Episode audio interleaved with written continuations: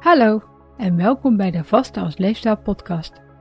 Mijn naam is Amanda Kortman, ik ben gewichtsconsulent en omdat er zoveel slechte informatie over vasten verspreid wordt, hoop ik het met deze podcast zo te verduidelijken dat voor iedereen kan werken. Je vast wanneer je langer dan 12 uur niks neemt wat vasten stopt, dus is makkelijker dan je denkt.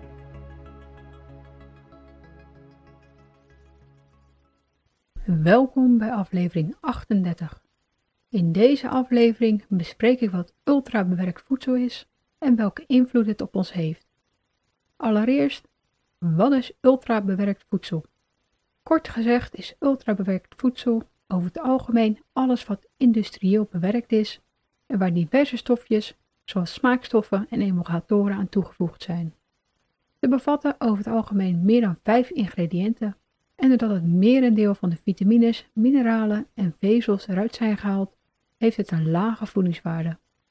Deze worden soms naar de hand weer toegevoegd om het aantrekkelijker te maken, aangezien bijvoorbeeld snoep met vitamine C beter klinkt dan gewoon snoep, en hetzelfde geldt bijvoorbeeld voor witte rijst met toegevoegde vezels. Maar aangezien echt voedsel meer stofjes bevat die nuttig voor onze gezondheid zijn, zoals polyfenolen en antioxidanten, lijkt het effect op lange termijn van de toevoegingen toch niet helemaal hetzelfde. Er wordt nog wel eens gezegd dat alles wat onze overgrootouders in hun jeugd nooit gegeten zouden hebben, onder ultrabewerkt voedsel valt.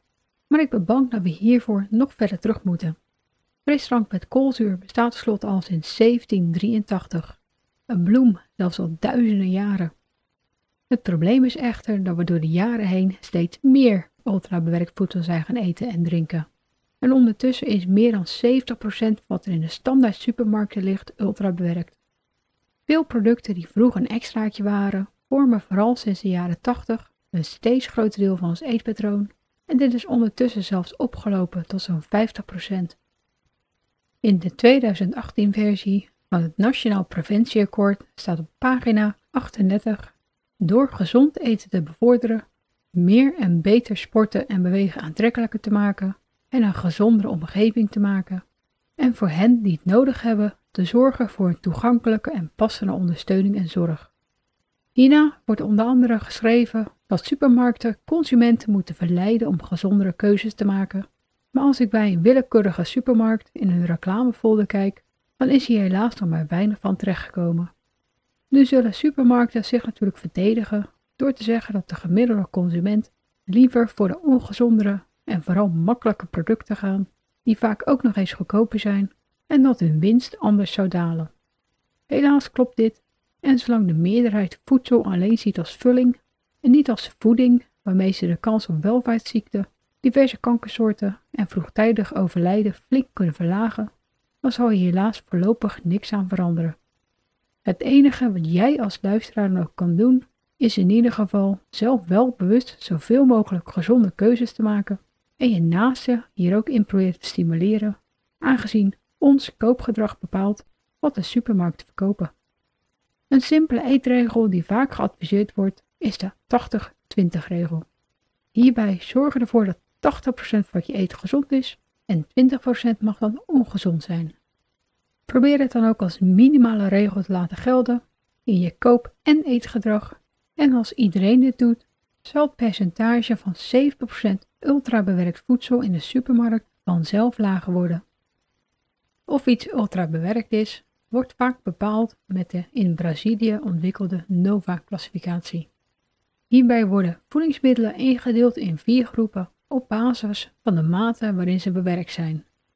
Het toevoegen van ingrediënten telt hier zwaar in mee, ongeacht wat er wordt toegevoegd en wat de functie is. Onder NOVA groep 1 vallen alle onbewerkte of minimaal bewerkte voedingsmiddelen. Onbewerkte voedingsmiddelen komen direct van planten of dieren en minimaal bewerkte voedingsmiddelen zijn natuurlijke voedingsmiddelen die zijn schoongemaakt en waarvan oneetbare delen zijn verwijderd. Ze mogen licht bewerkt zijn door ze bijvoorbeeld te malen, drogen, fermenteren, pasteuriseren, koelen en in te vriezen en zolang er niks aan toegevoegd is, vallen ze in groep 1. Hierbij kan je denken aan groenten, fruit en aardappelen die ook gesneden, gekoeld of bevroren mogen zijn, maar ook aan verkoren granen, pulvruchten, ongezouten noten, zaden, pitten, kruiden, thee, koffie, onbewerkt vlees zoals biefstuk of kipfilet, eieren en melk en yoghurt zonder toevoegingen. Onder Nova groep 2 vallen de bewerkte culinaire ingrediënten zoals olie, boter, zout, suiker, azijn en honing. Dit zijn ingrediënten die meestal gegeten worden met de voedingsmiddelen uit groep 1 en ze bevatten geen extra toevoegingen. Onder Nova groep 3 vallen de bewerkte voedingsmiddelen die industrieel bereid zijn met het gebruik van zout, suiker, olie of andere ingrediënten uit groep 2 om voedingsmiddelen te conserveren of meer smaak te geven. De meeste bewerkte voedingsmiddelen bestaan uit twee of drie ingrediënten en deze producten kunnen nog worden herkend als versies van het oorspronkelijke voedingsmiddel en hierbij kan je denken aan ingeblikte groenten, fruit en pulvruchten, tomatenpuree, zelfgebakken volkorenbrood, kaas, gezouten of gerookt vlees of vis, gezouten noten, zuurkool, augurken, kimchi en gefermenteerde alcoholische dranken zoals bier en wijn. Onder Nova groep 4 vallen de ultra-bewerkte voedingsmiddelen. Dit zijn industrieel bereide voedingsmiddelen die grotendeels of helemaal zijn verkregen uit voedsel zoals gehydrogeneerde vetten, bloem, zetmeel en eiwitten en alles wat in laboratoria speciaal gemaakt wordt om het product lekkerder te maken, er beter uit te laten zien en of de houdbaarheid te verbeteren, zoals smaakversterkers, diverse soorten suikers en zoetstoffen, kleurstoffen en emulgatoren, wat vaak zorgt voor hele lange ingrediëntenlijsten met stoffen die je niet zelf in de keuken zou gebruiken en een lange houdbaarheid. Hiernaast hebben ze vaak een hoge glycemische index, hoewel de reactie erop natuurlijk erg persoonlijk is, zoals ik ook in aflevering 37 heb uitgelegd, en zijn slecht voor onze darmbacteriën. Dit komt deels door het gebrek aan vezels, maar veel gebruikte toevoegingen, zoals emulgatoren, zijn hier ook aangelinkt. Door de sterke bewerking zijn de belangrijke stoffen, zoals vitamines, mineralen, eiwitten en vezels, grotendeels verloren gegaan.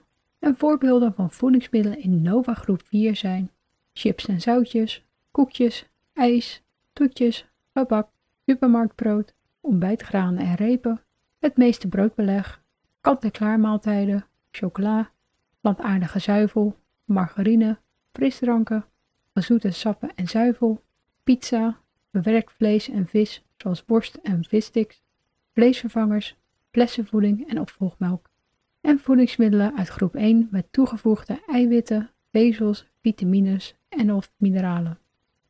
Op het eerste gezicht klinkt het als een zinnige indeling, maar doordat het vooral let op in hoeverre iets bewerkt is, zegt het niet altijd wat over de voedingswaarde. Hiernaast worden soms al producten in groep 3 afgeraden, waar er natuurlijk niks mis is met een goede kwaliteit volkoren brood of kaas en die hier beter een subgroep voor kan komen. Alcohol is natuurlijk niet gezond en ook met zout moeten velen oppassen dat ze er niet te veel van binnen krijgen. Het merendeel uit groep 4 kan jong en oud echter missen als kiespijn en echt in de 20% en liever nog minder van het eetpatroon laten vallen. Hoewel voor sommige baby's flessenvoeding natuurlijk noodzakelijk is en als je bijvoorbeeld lactose intolerant bent, het natuurlijk wel fijn is dat je plantaardige zuivel kunt nemen. Om te beslissen of producten echt onder ultra bewerkt vallen, zou de ingrediëntenlijst weer moeten doorlezen. Zo valt een basismusli onder groep 4, terwijl vele alleen maar gezonde volkoren granen en misschien wat gedroogd fruit bevatten en dus beter bij de net geopperde subgroep 3 passen. Krokante muesli en granola daarentegen, met de vele toegevoegde suikers en vetten, passen natuurlijk wel perfect in groep 4. Deze bevatten zo vier of soms zelfs meer verschillende soorten suikers en een paar suikerklontjes per schaaltje, waardoor je makkelijk aan de maximaal aanbevolen hoeveelheid van 25 gram toegevoegde suikers komt, die ik in aflevering 36 heb besproken. Ook bij de plantaardige zuivel is het erg belangrijk om de ingrediëntenlijsten door te lezen. Zo vallen alle goede zuivelvangers onder Nova groep 4, wat er onder andere calcium en vitamines worden toegevoegd maar bevatten de gezondere verder geen extra suikers, zoetstoffen of emulgatoren. Ook tofu en tempeh zijn natuurlijk heel wat anders dan een nep hamburger met 20 ingrediënten, die handig zijn voor een potje scrabble, maar niet voor je gezondheid. Het bewerken van voedsel heeft natuurlijk ook een functie, en zelf doen we niet anders tijdens het koken.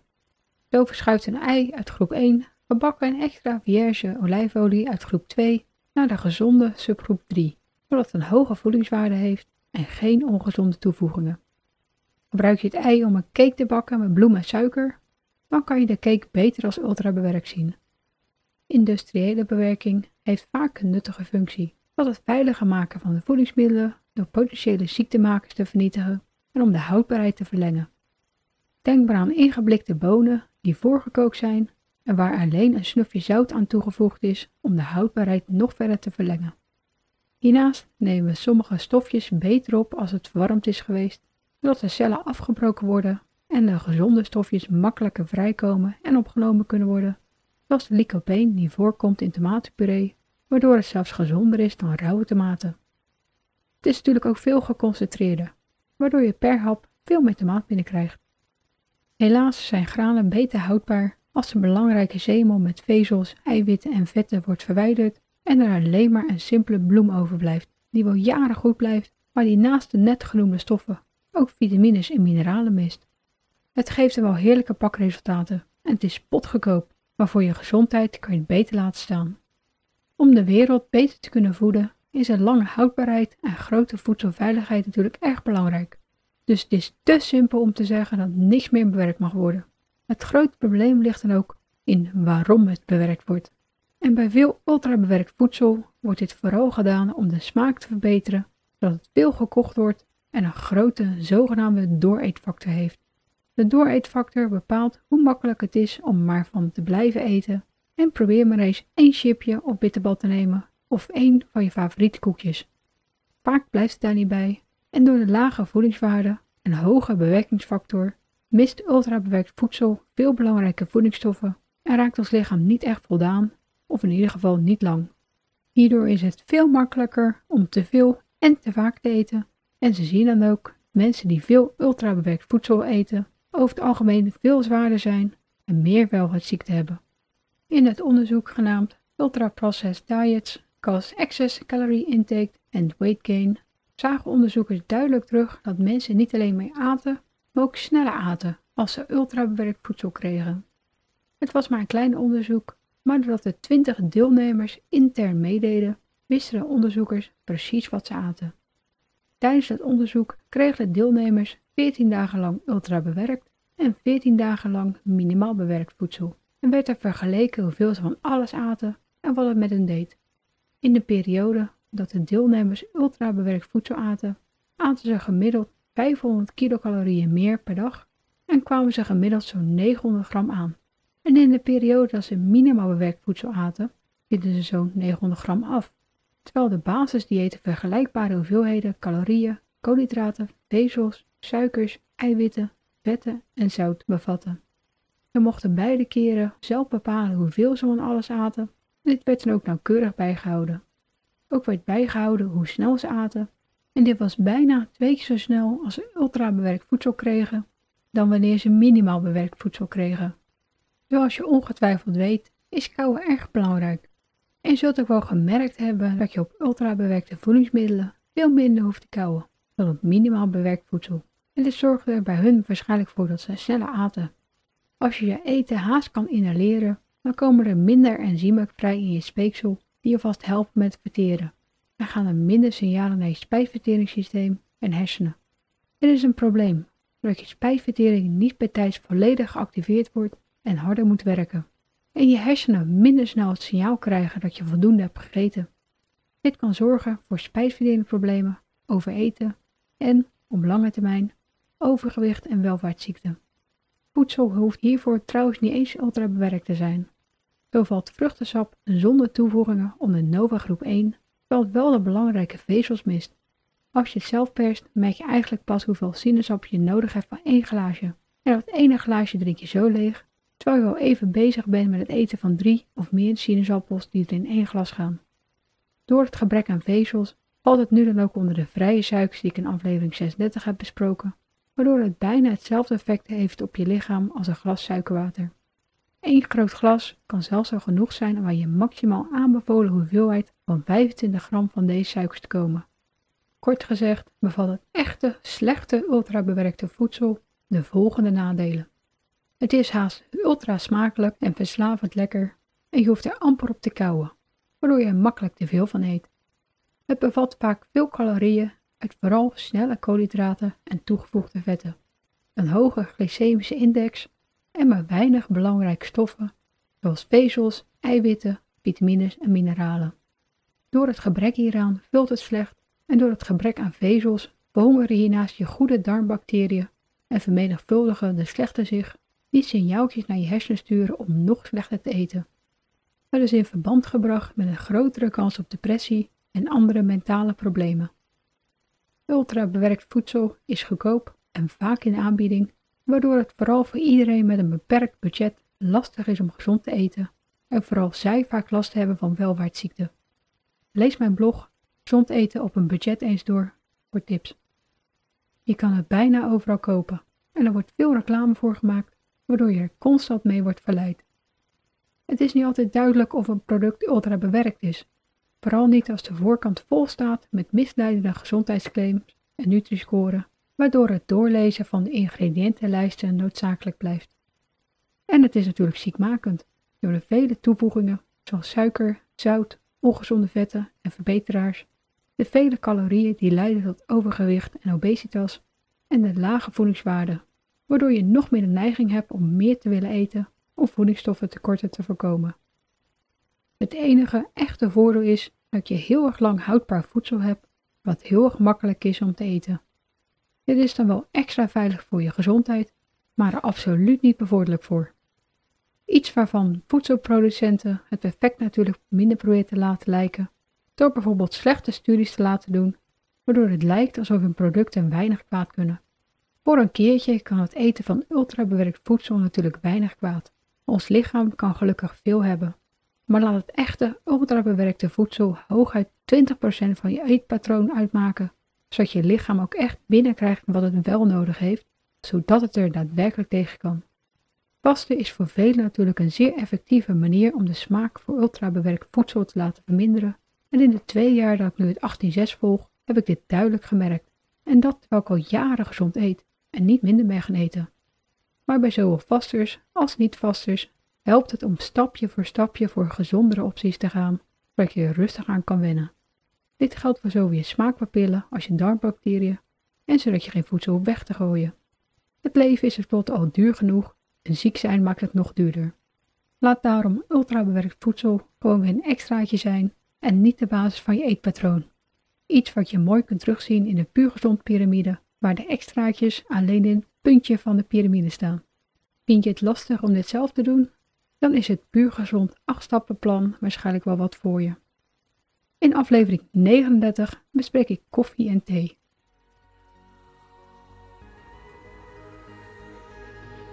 Bedankt voor het luisteren en vergeet niet dat je de onderwerpen en bronnen altijd in de omschrijving van de aflevering kunt vinden. Weet je niet zeker of sommige tips of adviezen ook voor jou geschikt zijn?